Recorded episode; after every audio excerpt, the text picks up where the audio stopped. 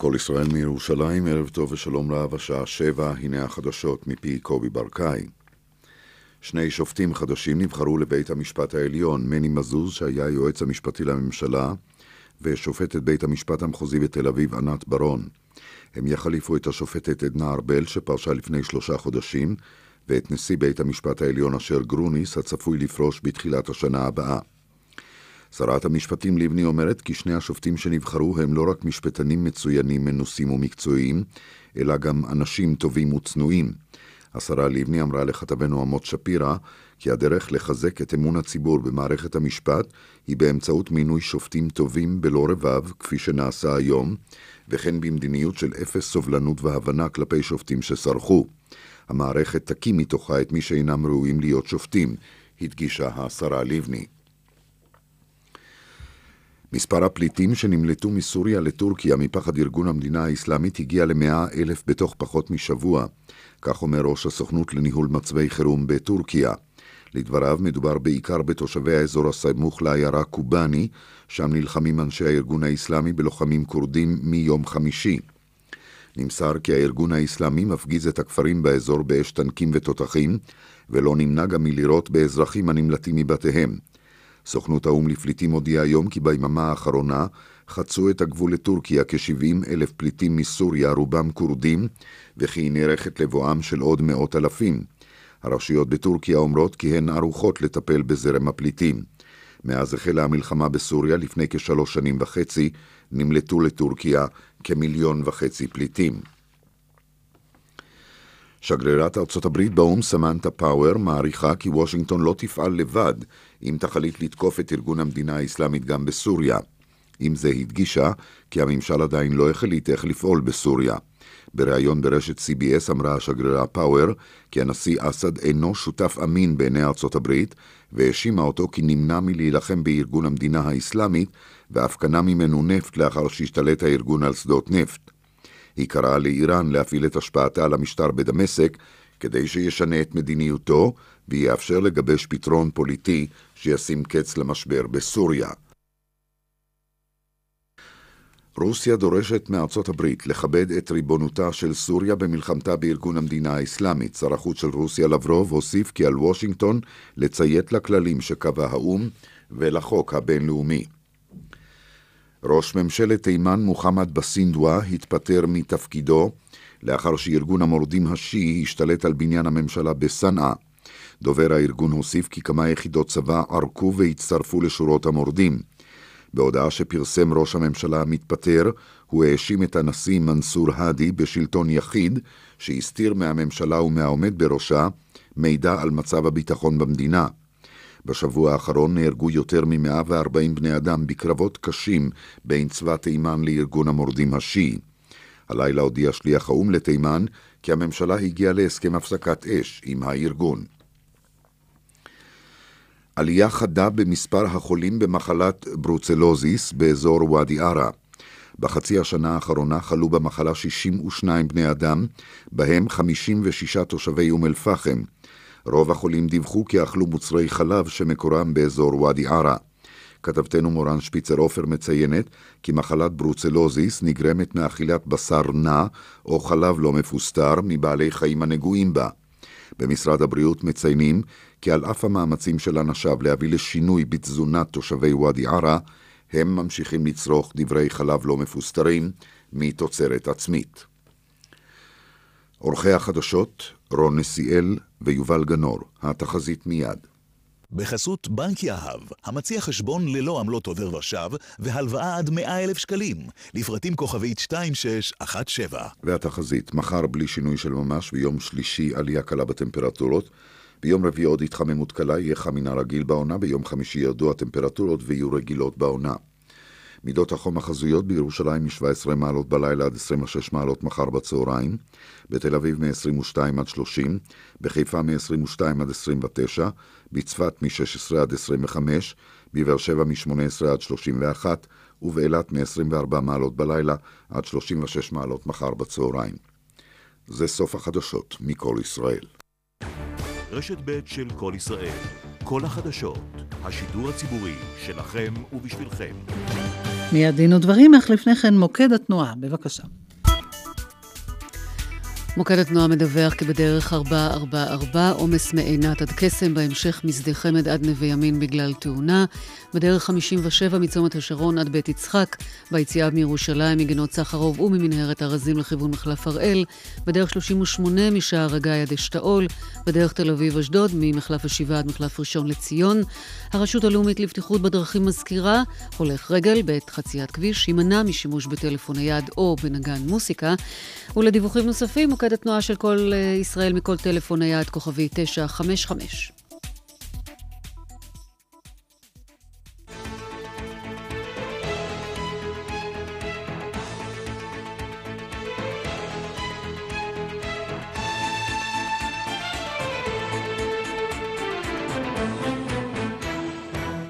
ודברים על חוק ערכים ודמוקרטיה ומה שביניהם עם משה נגבי. שלום לכם, עורכת התוכנית אורית ברקאי, טכנאי השידור חיים בריסקין, כאן ליד המיקרופון, משה נגבי ואיריס לביא. מיד נעסוק כאן בהשלכות שיהיו למינוי שני השופטים החדשים לבית המשפט העליון על שלטון החוק והדמוקרטיה הישראלית.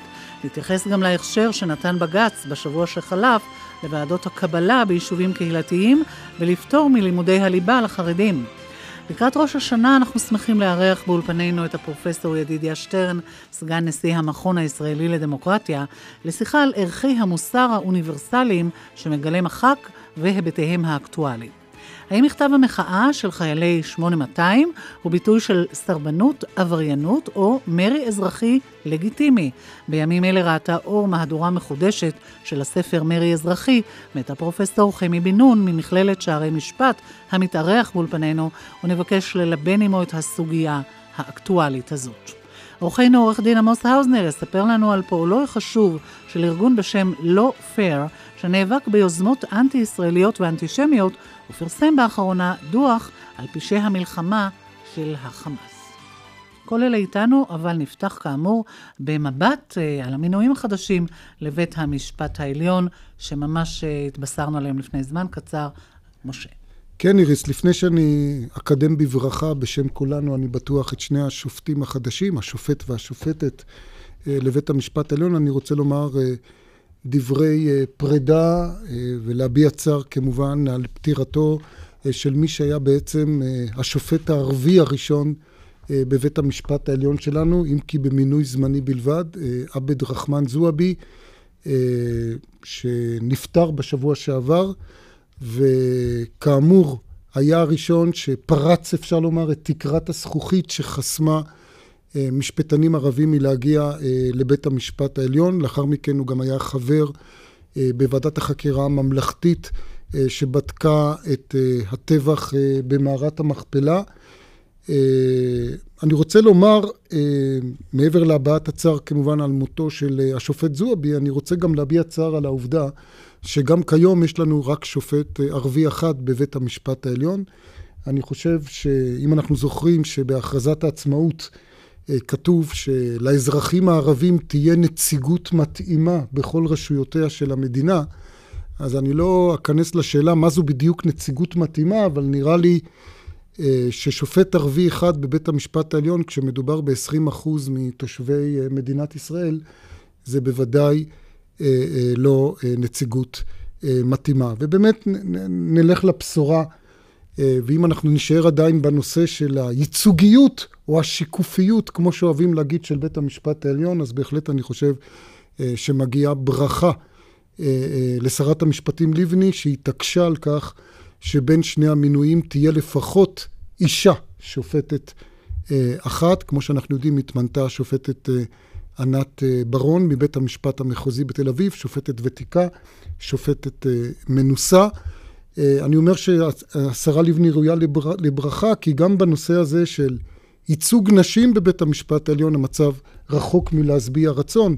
לפני שני המינויים החדשים היו לנו שלוש נשים מתוך 14 שופטים, ואני חושב שאין מי שיכול לטעון שדווקא בתחום המקצוע המשפטי קשה למצוא משפטניות ראויות, אה, או שהן פחות ראויות מהמשפטנים, אה, ולכן הדבר הזה בהחלט מטריד, ושלא יהיה ספק, גם המצב החדש שבו יש לנו, אם אני, טועה, אם אני לא טועה, ארבעה מתוך שישה עשר, ארבע מתוך 16 שופטים בבית המשפט העליון, גם הוא רחוק מלהשביע רצון, ונקווה שגם הדבר הזה יבוא על תיקונו.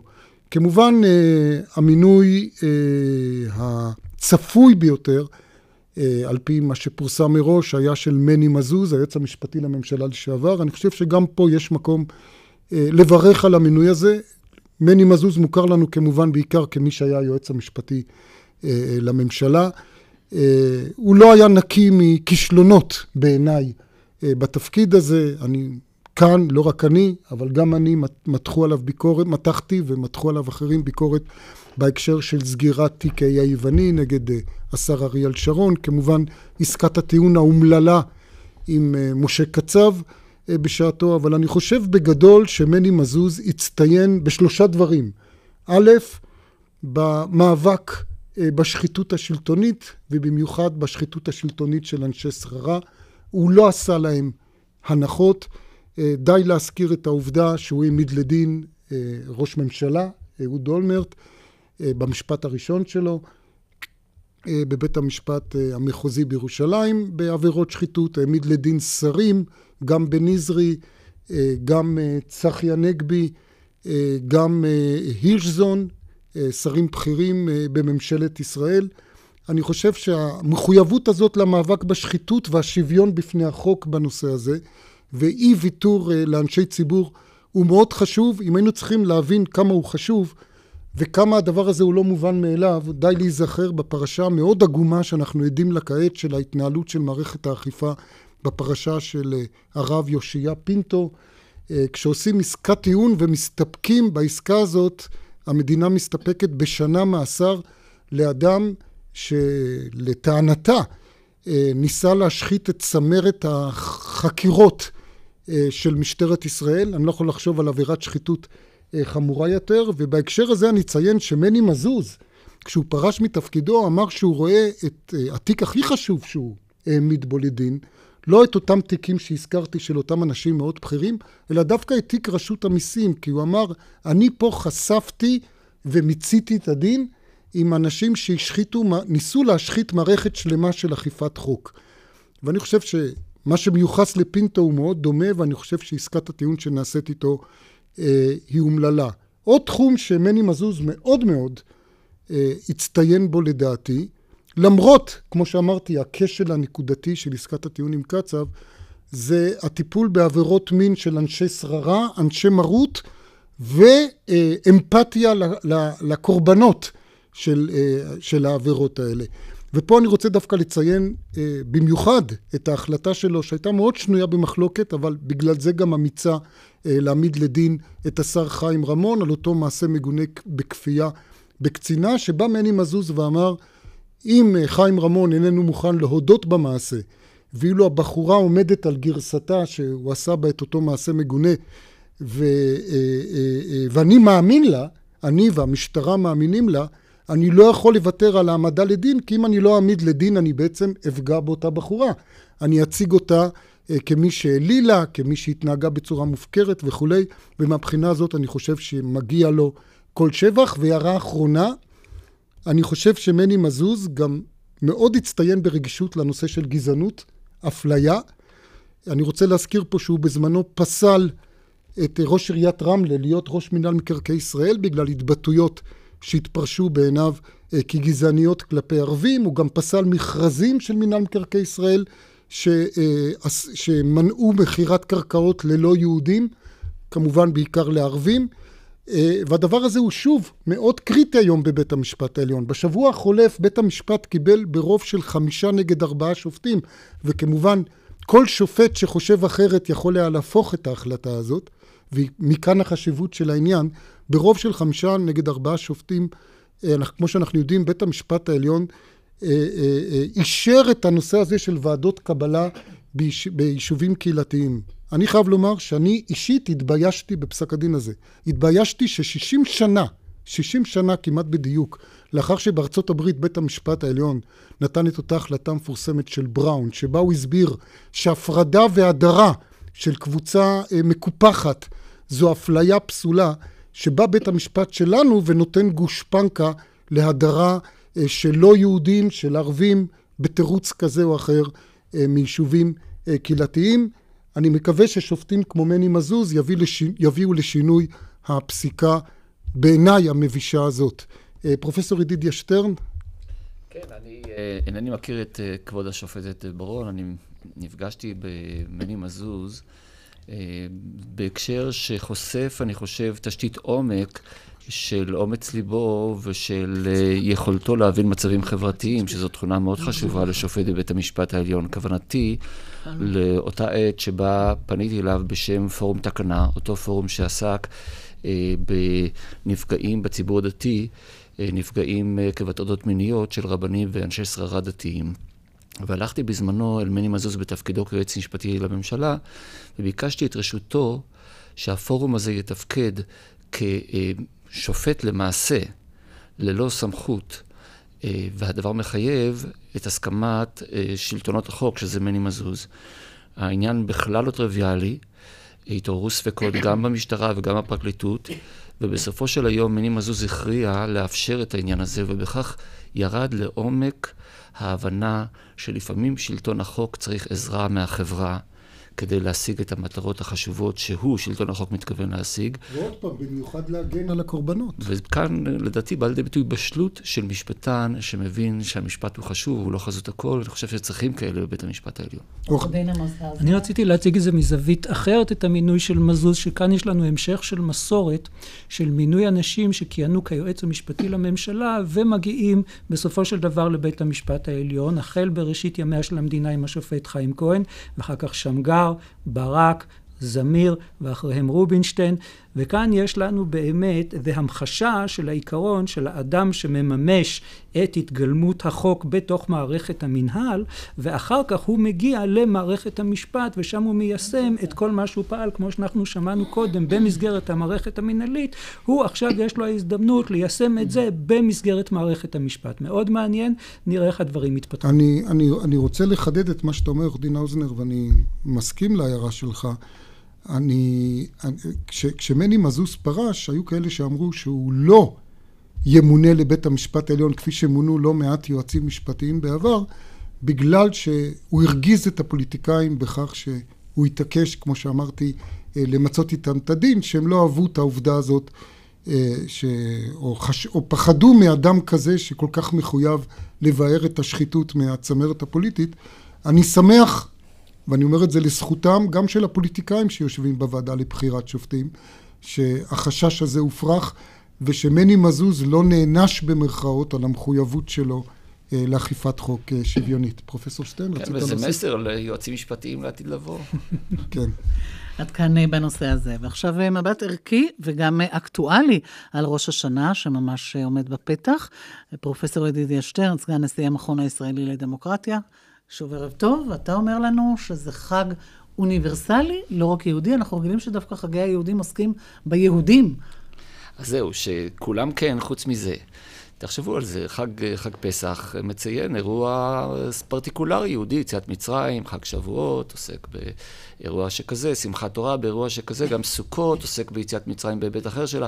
ראש השנה איננו מציין שום דבר שקשור דווקא ליהדות. בריאת העולם בעצם. על פי המסורת, בדיוק, על פי המסורת, ראש השנה הוא ביום השישי לבריאת העולם, שזה יום יצירת האדם. זאת אומרת, מה שעומד בלב היום הזה, זה האנושות, לא היהודי. אלא האדם באשר הוא אדם. והאדם באשר מת... הוא אדם נברא בצלם אלוהים? כלומר... רק הספירה כן. שייכת ליהדות. עכשיו, שנות קיומו של העולם על פי... כן, אז זו דרך אחרת לשאול אה, מה מקומנו בכל היוניברס. אבל מה שחשוב הוא שבאמת גם בתפילה של ראש השנה, וצריך לשים לב לזה, אנחנו מדברים על המדינות באשר הם, על כל ברואי עולם. זו תמה קבועה בתפילות הללו. וזה מביא אותי למחשבה שאנחנו אה, אה, חוגגים את ראש השנה, אנחנו חוגגים את הלאומיות שלנו בצורה אוניברסלית, או אמורים לעשות את זה. הלאומיות שלנו, שהיא גם דת וגם לאום וגם תרבות, אמורה לבוא לידי ביטוי בכך שאנחנו לוקחים אחריות על הכלל, לא רק על עצמנו. כאשר יש לנו מדינה, הדברים עלינו מתחדדים עוד יותר. אנחנו יודעים על תיקון עולם כמין פרזה כזאת, אבל המשמעות של ריבונות שהיא יהודית, מנקודת ראות אוניברסלית היא שאנחנו צריכים להראות דגם לכיצד ניתן לנהל מדינה בצורה שהיא מופתית. עכשיו, הפער בין זה לבין המציאות, אה, כדאי לא להרחיב עליו, אנחנו כולנו מרגישים בו. לא, אני דווקא אבל כן רוצה להרחיב עליו, פרופסור שטרן, במובן הזה, שהנה הנה אתה רואה אבל, שדווקא אנשים שומרי מצוות, בחלקם, נתלים לפעמים בתורה ובמצוות כדי להצדיק אפליה בין אדם לאדם. כלומר, הם לא מקבלים בעצם שכל אדם נברא בצלם.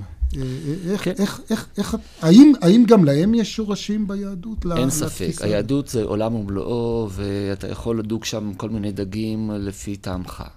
עדיין ראש השנה והתפילות שבו הם איזה מין דבר מאוד מאוד בסיסי בכל ההוויה היהודית, ושם העניין ברור. היהודים מעניינים בראש השנה משום התפקיד האוניברסלי שלהם. ואני רוצה להדגיש, אם אנחנו זכינו שבדור שלנו יש לנו מדינה שבה היהודים הם הרוב, זה אומר שפה צריך להיות... אה, אה, אה, צריכה להיות הוויה נקייה לגמרי משחיתות. הרי איבדנו את הריבונות בגלל השחיתות. כך מלמדים אותנו ירמיהו ואחרים. איבדנו את הריבונות בגלל השחיתות. אם אנחנו נמשיך בדור שלנו לנהל ריבונות בצורה שיש בה מושחתות, אנחנו עלולים לאבד אותה. וכבר הזכרנו פה את הרב פינטו, איש דת לכאורה. אבל יש פה עוד היבטים. יצאנו עכשיו ממבצע צבאי, צוק איתן. סוף סוף יהודים מפעילים כוח אה, פיזי, אלים, וזה מחייב אותנו להפעיל אותו בדרך מסוימת ולא בדרך רגילה. אם אנחנו לוקחים על עצמנו ברצינות שהלאומיות שלנו היא מסר כלל אוניברסלי, זו החובה שלנו להתנהל בצורה כזאת. אה, פרופסור שטרן, אני רק יכול לקוות ששלומי אמוני ישראל שומעים אותך ואכן יאמצו את הפרשנות האוניברסלית הזאת לחג ראש השנה. אה, אני רוצה... ברשות... רק עוד מילה אחת, אנחנו אומרים בחג, ועל המדינות בתפילה, ועל המדינות בו יאמר, על המדינות. איזו לחרב ואיזו לשלום, איזו לרעב ואיזו לשובע. כן. אבל גם על האדם הפרטי. נכון, אבל אני רוצה להדגיש, חריצת הדין היא מעבר לאדם הפרטי, היא גם חריצת דין אוניברסלית לקיבוצים השונים. ואני מדבר כאן כמי שמרגיש שהמדינה היהודית היא הדבר המרכזי בהווייתו. וחרד לדרך שבה אנחנו עושים שימוש בעניין הזה. אתה מדבר גם על אחריות קולקטיבית כלשהי? כלומר, אה, עוונו של פרט הוא יכול להכיל על החברה כולה, ולכן... כשמדינה נפגעת, ברור שכל אזרחיה אה, נפגעים. או להפך. ולכן, כן. אבל בעיקר נדבר על השלטון. השלטון מבטא.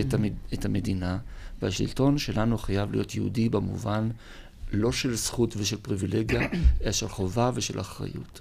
אה, הזכרתי קודם אה, את פסק דין שניתן אה, בהרכב של תשעה שופטים בשבוע שעבר בנושא של ועדות הקבלה ליישובים, פסק דין שכמו שאמרתי, אני אישית מצר עליו, ניתן עוד פסק דין בהרכב של תשעה שופטים, וזה פסק הדין בנושא של לימודי הליבה לחרדים, ופה ברוב הרבה יותר בולט, שבעה שופטים נגד שניים, בית המשפט העליון בעצם הכשיר מתן פטור לחרדים מלימודי ליבה.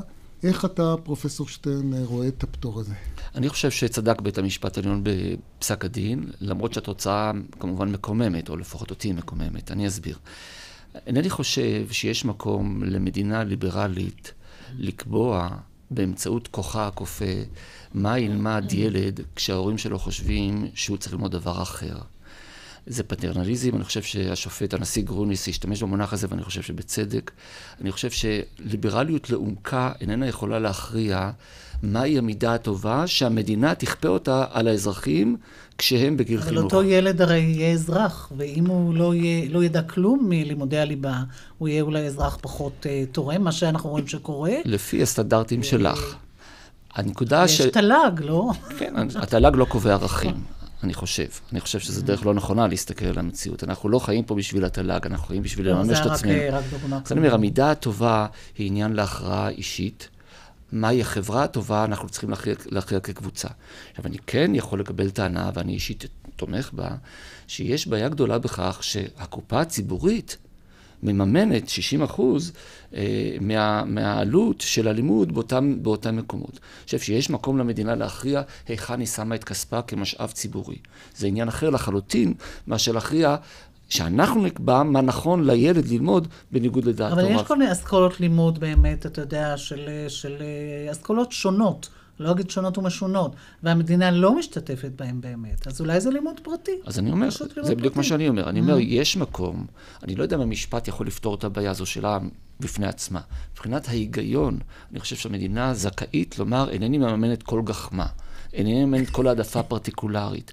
זה לא מועיל לי ואני לא מוכנה לממן את זה. אבל כאן הדיון היה על דבר אחר לחלוטין. לא על המימון, אלא כפיית חינוך מסוים, שבעיני רבים, ואני בתוכם, הוא קריטי והוא חיובי. אבל אני לא יכול לומר שבגלל שלי זה נראה ולרוב זה נראה, גם צריך להכריח את המיעוט כך לחנך את ילדיו. פרופסור שטרן, אני חייב לומר שאני בגדול אה, אישית מסכים איתך. אני... אה, בהחלט חושב שאם חרדים אה, לא רוצים למשל ללמוד אבולוציה או מתמטיקה, אני מצר על כך מהנימוקים שגם איריס פה הזכירה, הנימוקים הפרקטיים, אבל זה בהחלט יהיה פטרנליזם לבוא ולכפות את זה עליהם. אבל יש לי הסתייגות קטנה, כאשר למשל מדובר בלימודי אזרחות. אם ניקח למשל את הנושא של שוויון האישה.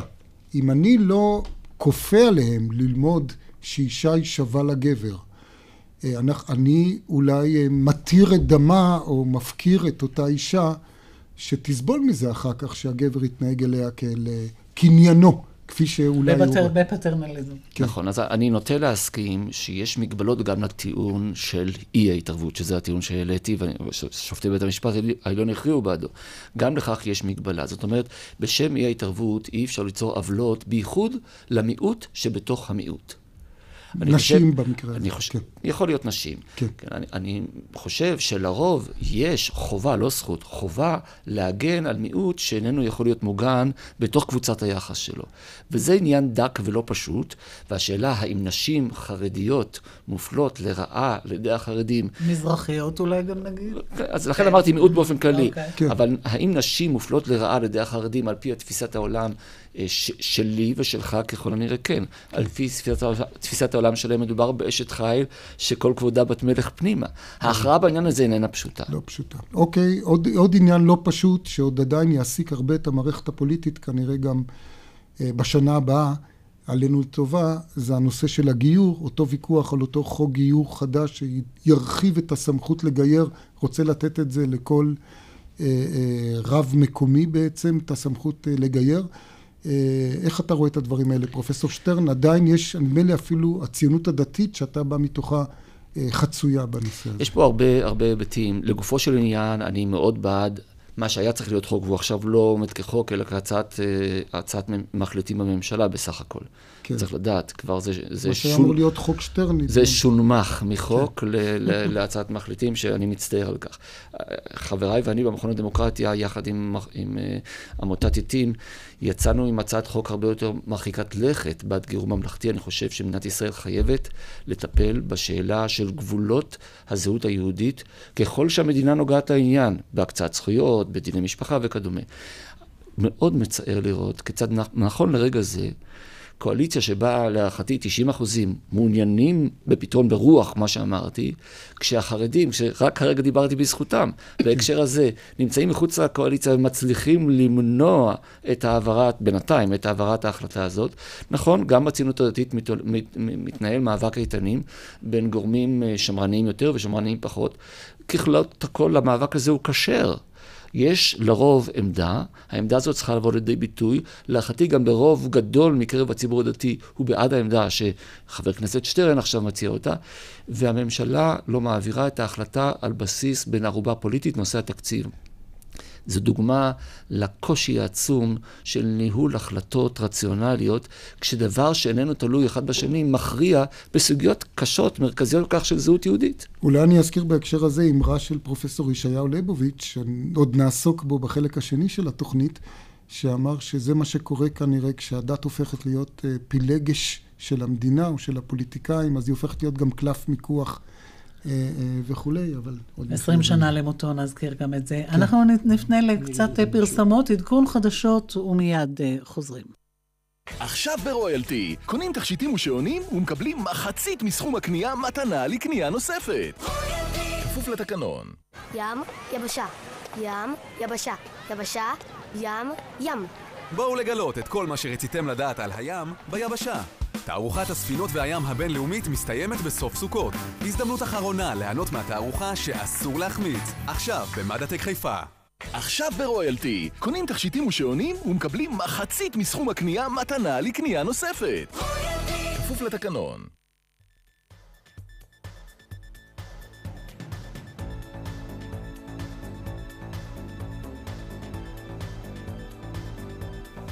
שבע ושלושים, שלום לכם, ערב טוב, הנה העדכון מחדר החדשות. שרת המשפטים לבני מברכת על בחירתם של שני שופטים חדשים לבית המשפט העליון, מני מזוז וענת ברון. לדבריה מדובר במשפטנים מצוינים, מנוסים ומקצועיים. שגרירת ארצות הברית באו"ם מעריכה כי וושינגטון לא תפעל לבדה אם תחליט לתקוף מן האוויר את ארגון המדינה האסלאמית בסוריה. נמשכת בריחת הפליטים מסוריה לטורקיה בעקבות המתקפה של ארגון המדינה האסלאמית על כפרים כורדיים ליד הגבול בין שתי המדינות.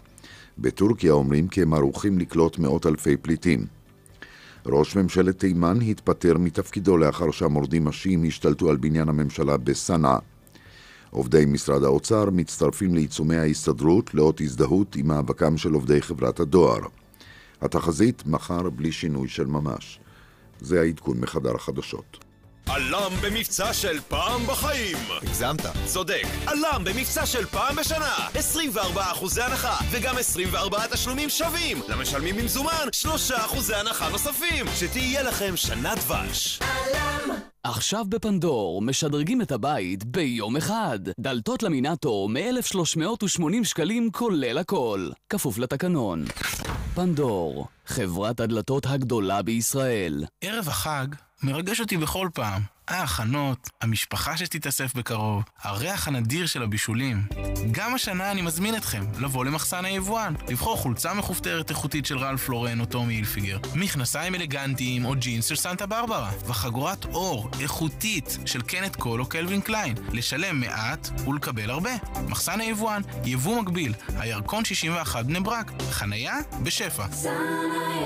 שיהיה לכולנו חג שמח. מחפשים רעיונות למתנות לחג? מגוון ספרים ומשחקים השני ב-80% הנחה בצומת ספרים. תמיד כדאי לעצור בצומת ספרים. כפוף לתקנון. עכשיו ברויאלטי, קונים תכשיטים ושעונים ומקבלים מחצית מסכום הקנייה מתנה לקנייה נוספת. רויאלטי! כפוף לתקנון. פנדור. תחשבו ירוק, לאן לזרוק? את הצנרת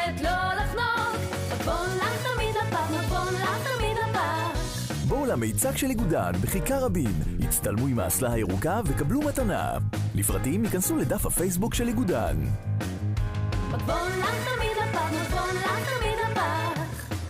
מכון שפדן של איגודן, הופכים את ישראל למספר אחת בעולם בטיהור מים.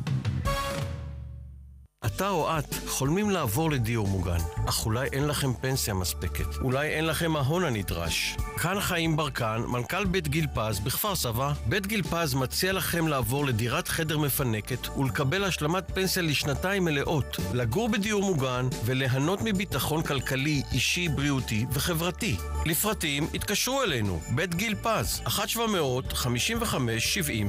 גיל פז 1-700-55-70-80 צומת ספרים מאחלת שנה טובה ומזמינה אתכם ליהנות ממגוון ספרים, משחקים ומארזי מתנה לחג. תמיד כדאי לעצור בצומת ספרים. פנדור. שלום, איתי באולפן נמצא מנכ"ל זכותי אלון אהרונוב. אלון, מה היתרון של שיטת זכותי מקס, נאמר על השיטה הרגילה? תגיד, יש מישהו שיכול לטפל בבניית תיק רפואי טוב מרופא שבמשך 30 שנה היה חבר בוועדות ערר מטעם המוסד לביטוח לאומי? נשמע משכנע, אבל רק רופאים? זה היתרון? זה רק חלק מהיתרון. בשיטת זכותי מקס הלקוח מקבל צוות שלם של רופא, יועץ מס ומומחה זכויות שלא מוותר עד שהוא משיג לו מקסימום זכויות במינימום זמן. זכותי מקס, עידן חדש בזכויות רפואיות. התקשר כוכבית 5520. כוכבית 5520 זכותי השירות אינו משפטי. השיחה הזאת תפסה אותו בדרך לבסיס. שלום לך, אדוני, מדברת אראלה ממפעל הפיס. את רצינית שזו הראלה ממפעל? אני לא מאמין. אני כרגע נמצא ב... אני בשירות צבאי על מדים בדרך לבסיס. אז אני התקשרתי לשמח אותך, אספר לך שזכית ב-50 אלף שקלים. וואו, וואו, איזה יופי, זה בא בזמן. תודה אראלה, חיכיתי לך את האמת, אבל לא האמנתי, אבל הנה הגעת. ואיך תגיבו אתם אם אראלה תתקשר? הצטרפו למינוי פיס, כוכבית 3990 ובנקודות המכירה.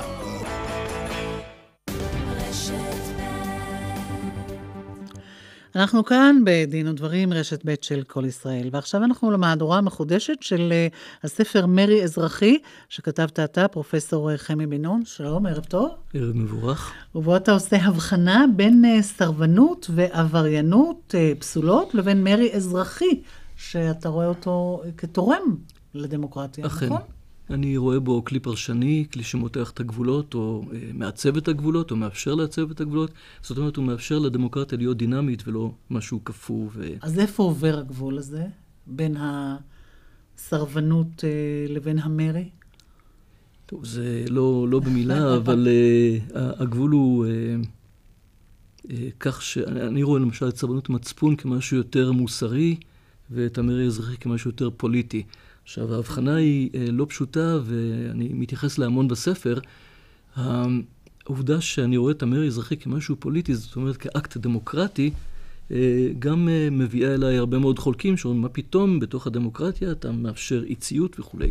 אני אומר, לפעמים אי ציות בתוך הדמוקרטיה מאפשר לעצב את הגבולות שלה. נכון שלא צריך להיות חביב לסרבן, ובהחלט אפשר לאנוש אותו בכל חומר הדין, אבל האקט שלו ההדים של האקט שלו, ההדהוד של האקט שלו, יכול להיות שהוא יהיה חיובי. והדברים שהוא מעלה, הזרקור שהוא מעלה, כן, אתה אומר. כן. הזכרנו קודם את, אה, הזכרנו, אני הזכרתי קודם את אותו פסק דין אה, מלפני 60 אה, שנה, שקבע שאסור להפריד בין לבנים לשחורים בארצות הברית, שאין דבר כזה נפרד אבל שווה. אנחנו יודעים שפסק mm-hmm. הדין הזה כשלעצמו לא הצליח להביא לשינוי המיוחל של השוויון, ומי שכן הביא אולי, זה מרטין, אנשים שביצעו מעשים, כן, מרטין לותר קינג, שאני אזכיר שהוא בין האנשים שאתה מקדיש להם את הספר שלך, יחד עם דיוויד תורו ואנשים אחרים שהצטיינו בנושא הזה של מרי אזרחי, ואולי מרטין לותר קינג באמת ממחיש את מה שאתה אומר. הוא בעצם באמצעות אותו מרי אזרחי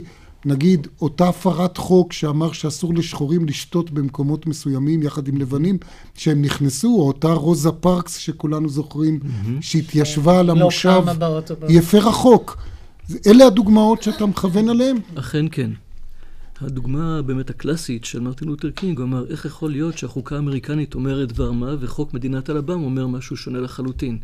הוא אומר, זה לא יכול להיות, ולכן צריך להילחם בחוק של אלבמה על ידי זה שמבצעים מרי אזרחי בחולצות לבנות, מתוך כבוד לחוק. אגב, אתה חש הזדהות עם כך, אה, או מבין, אה, מה שהרבה אנשים לא הבינו, כיצד זה אה, חבר הכנסת משה פייגלין הביע אמפתיה לאותם חיילים מ-8200 שכתבו את המכתב שלהם, והוא בעצם אמר, אני מתנגד להם כמובן כותבית פוליטית, אבל אני בהחלט מכיר בזכותם לכתוב את אותו מכתב. כי בעצם גם הוא נקט במין מרי אזרחי כשהוא חסם כבישים אה, לפני ההתנתקות וכולי. נכון, משה פייגלין הוא באמת דוגמה למי שמנסה ללכת בעקבותיו של מרטין לותר קינג, אבל הוא הולך גם בעקבותיו של אה, גנדי וגם בעקבותו. למעשה הוא לא מזהה לאיזה מרי אזרחי הוא מכוון, ויש כאן באמת הבחנות. כי טורו זה יותר סבנות מצפון, גנדי זה יותר מרד, ממש מרד, גנדי לא, לא הכיר בחוק הבריטי, אז זה לא היה מרי אזרחי. נכון שביצעו אותו אזרחים, אבל זה לא היה מרי אזרחי. מרי אזרחי זה בתוך מדינה דמוקרטית, עם אזרח של מדינה דמוקרטית, שפועל למעשה בניגוד לחוק, כדי לעורר את הבעיה, כדי להציף אותה וכדי... אז אתה אומר שזה כלי לגיטימי אה, בתוך הדמוקרטיה. בעיניי כן. לא ו... עברייני. גם אם הוא עברייני, אני רואה בו כלי לגיטימי. עכשיו, פה אני באמת רוצה לחדד את הנקודה שאיריס שאלה. אז אתה גם מאלה שאומרים שכדי שהמרי האזרחי יהיה לגיטימי, האיש שמבצע אותו צריך להיות מוכן לשאת בעונש, ללכת לכלא. כן. בהחלט כן. אה, למשל, הבאת את הדוגמה של 8200, אני לא מקבל את העובדה שמדובר במרי אזרחי, לכן אני לא מסכים עם פייגלין. מדובר במחאה חריפה, משום שהם לא ביצעו מרי אזרחים, רק מאיימים שהם יבצעו. וכאשר מאיימים... בגלל שהם עוד לא, לא נקראו לשירות. כאשר יבצעו את מה שיבצעו, נדון בזה בכלים שישנם, אבל כרגע לפחות מדובר בסך הכל במחאה, אה, שדומה, כמו שהזכרת קודם, למכתב השמיניסטים ב-1970, או למכתבי השמיניסטים, שכל כולם דיברו על מה יהיה אם.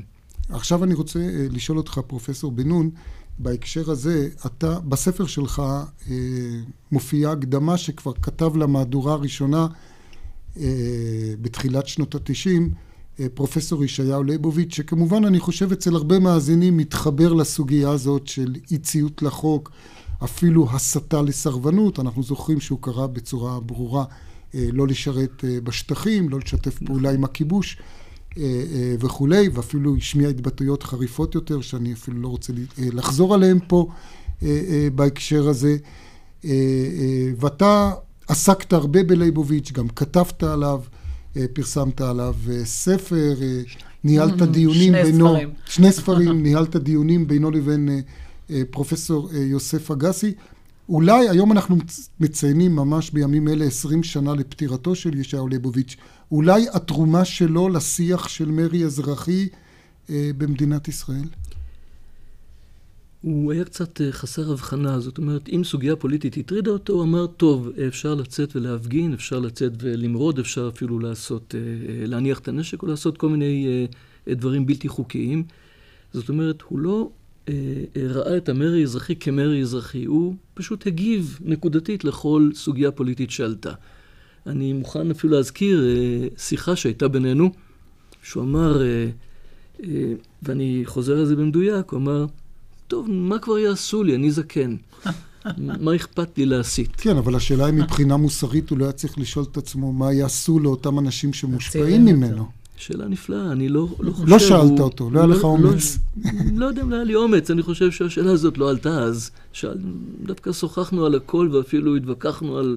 אני לא אשכח את, אה, את הרגע אה, המכונן שהוא אה, לקח את ידו ונפנף כמה פעמים ודיבר על המוסר היהודי. ואז אמרתי, אבל פרופסור, איזה מוסר יהודי? אתה צודק, מוסר של יהודים. אני, אני, אני רוצה, פרופסור, פרופסור בן נון, להזכיר פה, שאם דיברנו קודם על, פתחנו את התוכנית במינויו של מני מזוז לבית המשפט העליון, שמני מזוז כיועץ משפטי עורר בשעתו אה, סערה מאוד גדולה כשהוא אמר באיזשהו ראיון שיש לו אמפתיה לסרבני מצפון, והוא חושב שהם אה, תורמים לשיח הציבורי וגם אה, אה, הם אנשים אכפתיים, והוא מאוד מעריך אותם על האכפתיות שלהם. אני מניח שאתה מזדהה עם ההזדהות שלו או עם האמפתיה שלו. זו נקודה לזכותו, אם כי בהרבה מאוד חוקות במדינות הדמוקרטיות יש סעיפים שמתייחסים במפורש לעניין מצפון ולעניין אי שירות או סירוב מטעמי מצפון, ואפילו חוקות מתירות את זה. בישראל ההיתר היחיד הוא בחוק שירות ביטחון, שמתיר למעשה לנשים. רק לנשים, לא לגברים. ולגברים מסוג מאוד ספציפי, אה, שהם צריכים להיות פציפיסטים.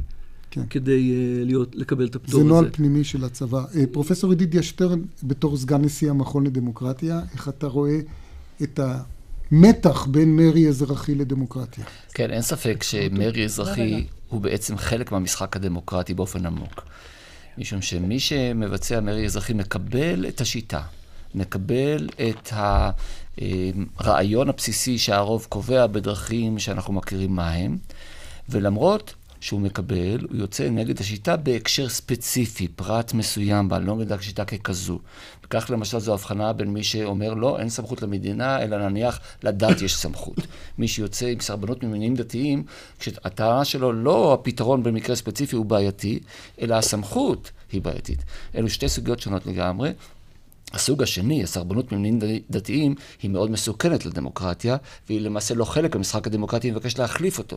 לעומת זאת, כן. מה שאנחנו מדברים עליו כרגע... היא מבקשת להפוך אותו לתיאוקרטי. כן, בדיוק. לעומת זאת, כאן אנחנו מדברים באנשים שמוכנים. עכשיו, אני מסכים עם מה שאמרת, משה, שכדי לתת לגיטימיות אמיתית להסכמה לשיטה, מי שמבקש לעשות מרי אזרחי צריך לבקש שיענישו אותו.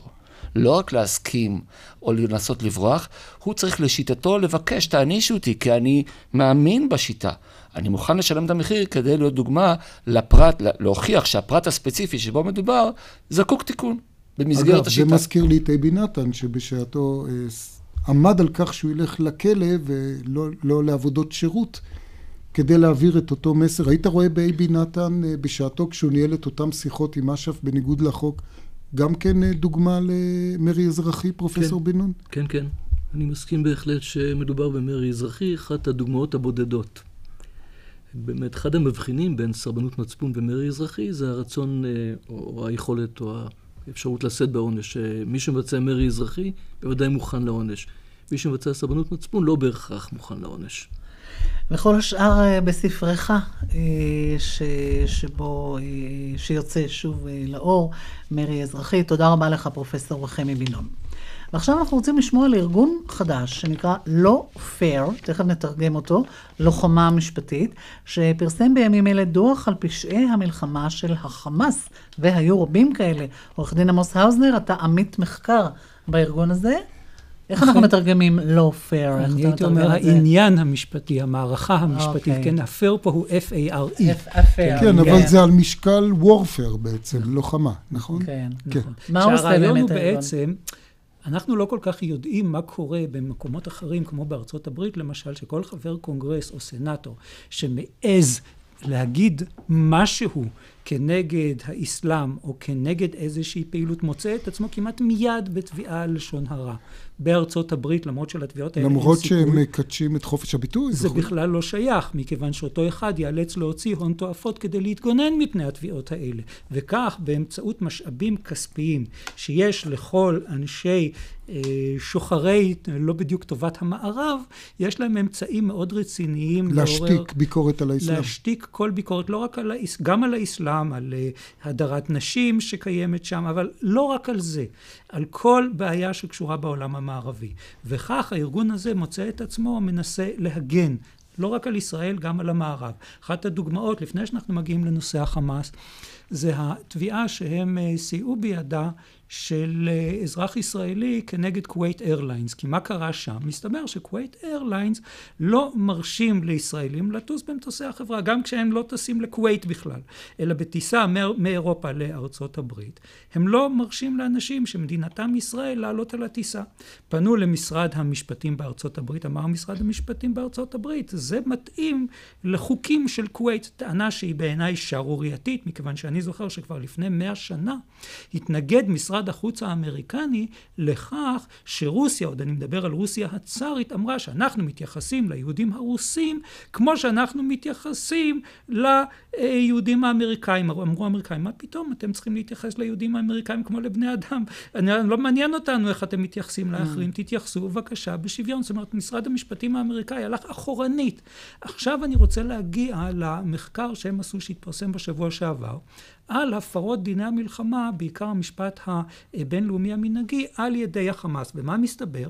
כאשר אתם עוברים כלל כלל, אתם רואים שהחמאס ממש שם לעצמו לשיטה את הפרת כללי המשפט הבינלאומי. תראו כלומר, אחד זה לא לאחד. נעשה בדרך אגב או ברשלנות, זה נעשה במתכוון. זה חלק ממדיניות. אנחנו רואים למשל בשני הכיוונים. יש לנו את חוסר ההבחנה בין אזרחים ולוחמים, גם באלה שיורים עליהם, גם במטרות, בין אה, מטרות אזרחיות למטרות אה, צבאיות. אחר כך יש לנו פה את הרעיון של אי מתן התראה מראש, כאשר יש אפשרות לפגיעה באזרחים, שזה נדרש לפי המשפט המנהגי.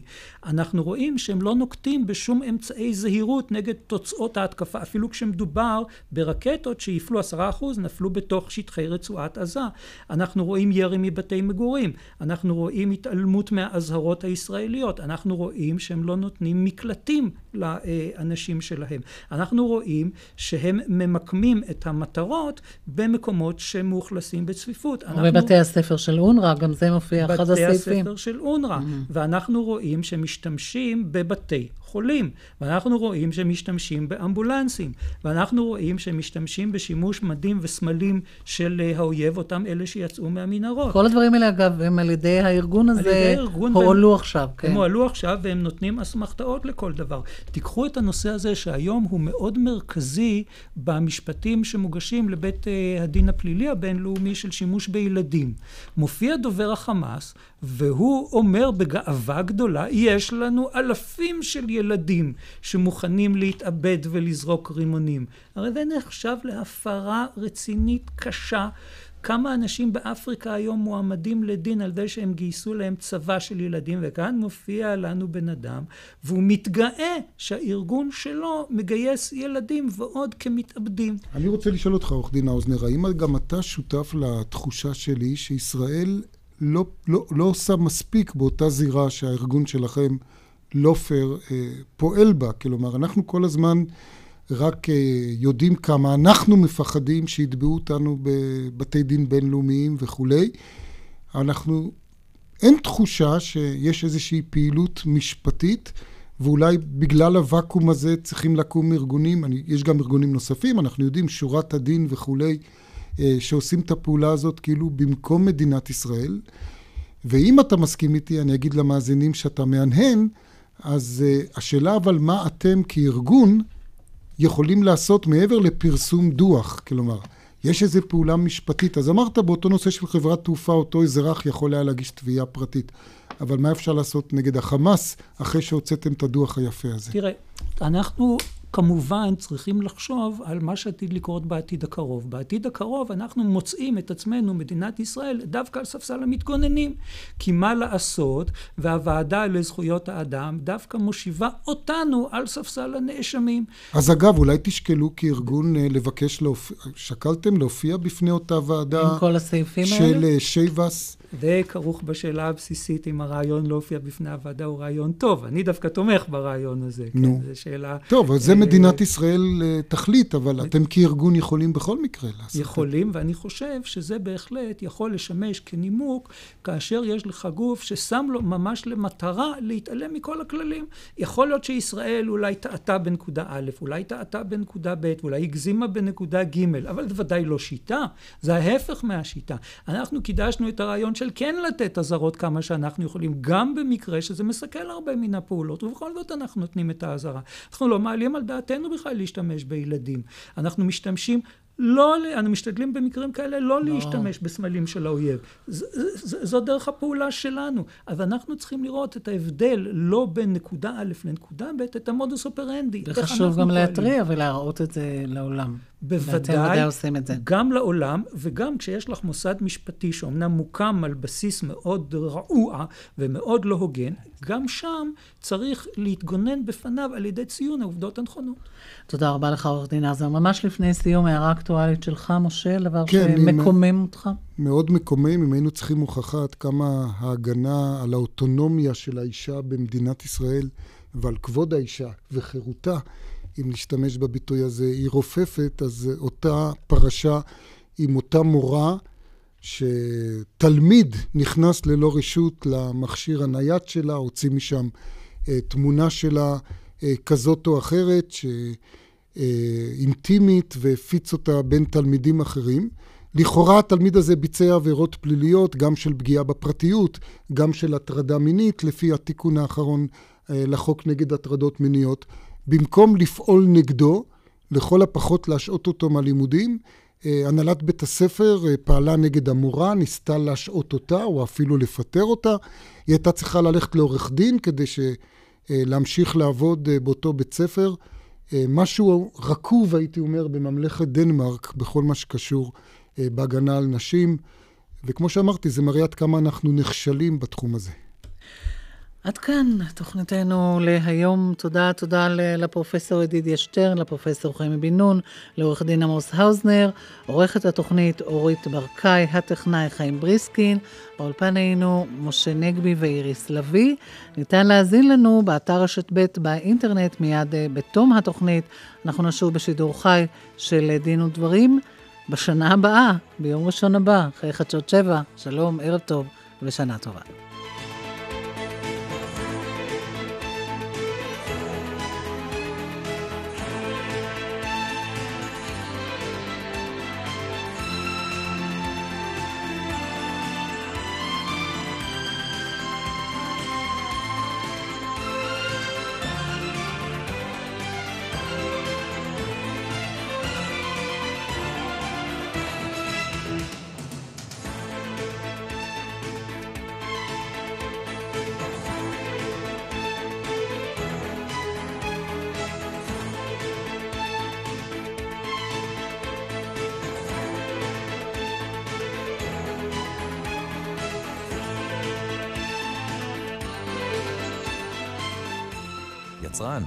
יבואן, אם עדיין לא הצטרפת לתאגיד תמיר ועדיין אינך מיישם את חוק האריזות, אתה עובר על החוק ועלול לספוג קנסות ועיצומים של 150 אלף שקלים מהמשרד להגנת הסביבה.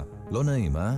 חפש תמיר בגוגל והצטרף למהפכה. תמיר היא חברה לתועלת הציבור. אופטיקה הלפרין, שלושה ימים אחרונים למבצע 55% הנחה על כל החנות. אופטיקה הלפרין. הלו. נחום, זה דביר, התקשרתי לאחל לך גג שמח. התכוונת חג שמח. גג שמח, על הדירה החדשה. איזה דירה? אני תקוע, דביר. במעלית? בהחלטות, דירה או בית. עכשיו או אחר כך. והמשכנתה לפני החגים או אחרי החגים. צריך להיות גאון כדי להחליט כל כך הרבה דברים. לא גאון, מומחה. מומחה בהחלטות? מומחה של טפחות. מתלבטים בעניין המשכנתה? קשה לכם להחליט? אתם חייבים לפנות אל המומחים של טפחות. מספר אחת במשכנתאות. חייגו עכשיו לקו הפתוח של המומחים, כוכבית 8860. גג שמח, דביר. נסעת עד תאילנד, ואתה לא עולה על פיל רק כי לא עשית ביטוח? כבר היית הולך לגן חיות. מבוטחי מכבי נוסעים לחו"ל עם ביטוח מכבי חו"ל באמצעות כלל בריאות ונהנים מכיסוי הוצאות רפואיות ואשפוז עד מיליון דולר, כולל פינוי ימי, אווירי ומקומי לבית החולים הקרוב. התקשרו עכשיו, כוכבית 2627, כלל בריאות מבית כלל חברה לביטוח, כפוף לתנאי הפוליסה המלאים, מוגש כמידע למבוטחי מכבי. העשירייה הפותחת בצומת ספרים, עשרה רבי מכר וספרים מובילים ב-29 שקלים ו-90 לספר. כדאי לעצור בצומת ספרים. כפוף לתקנון. מותק, תזמין לנו מלון עם רעיון. פרימה תל אביב. זה לא סתם מלון, זה מלון עם רעיון. פרימה מלונות, כוכבי 9995. ראש השנה הוא זמן מצוין להפתיע אותה בבושם מתנה. חגיגת פסמים בסופר פארם. מגוון פסמים לאישה ב-99 שקלים בלבד. לדוגמה, Cabaret, Nina Ricci, Noa, Miracle, Moschino ועוד. חג שמח מסופר פארם. עכשיו ב Royalty, קונים תכשיטים ושעונים ומקבלים מחצית מסכום הקנייה מתנה לקנייה נוספת. כפוף לתקנון. פנדור. א.ל.מ במבצע של פעם בשנה. טלוויזיה LED smart 28 אינץ' של קינג ב-699 שקלים בלבד. לקונים ב-1,000 שקלים ומעלה, על פי התקנון. עלם. פנדור. שלום, אני רינת, אימא של רועי, בן תשע. יש ימים שלמים שבהם אין לי מה לתת לרועי לאכול. ביום שהוא ויתר על פרוסת לחם לעצמו ואמר, קחי אימא, אני לא רעב, תאכלי את. ידעתי שהוא איבד את הילדות שלו. שלום, כאן ניסים ציוני, מנכ"ל פתחון לב. בראש השנה הזה, בואו נאפשר לילדים להישאר ילדים. לתרומת ארוחת חג חייגו, כוכבית 6076. פתחון לב.